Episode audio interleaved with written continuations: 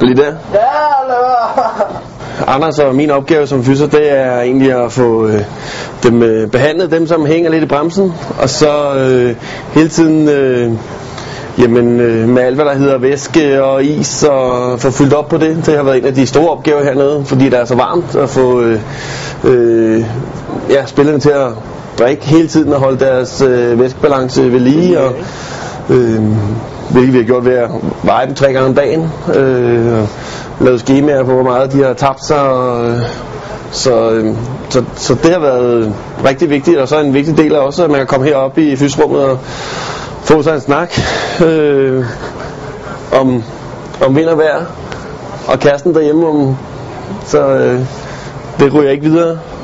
Så, øh, så det er nok det vigtigste, tror jeg, at få spillerne til at føle sig tilpas. Det var også lige her, ikke? Ja. Øh, Yusuf øh, fejler sådan set ikke det. Yusuf fejler ikke det helt store faktisk, men øh, er, øh, er en øh, stor dreng, en stærk en, som øh, er blevet går ind i mange slagsmål og får mange slag. Vores vigtigste opgave det er jo at få spilleren klar til kamp.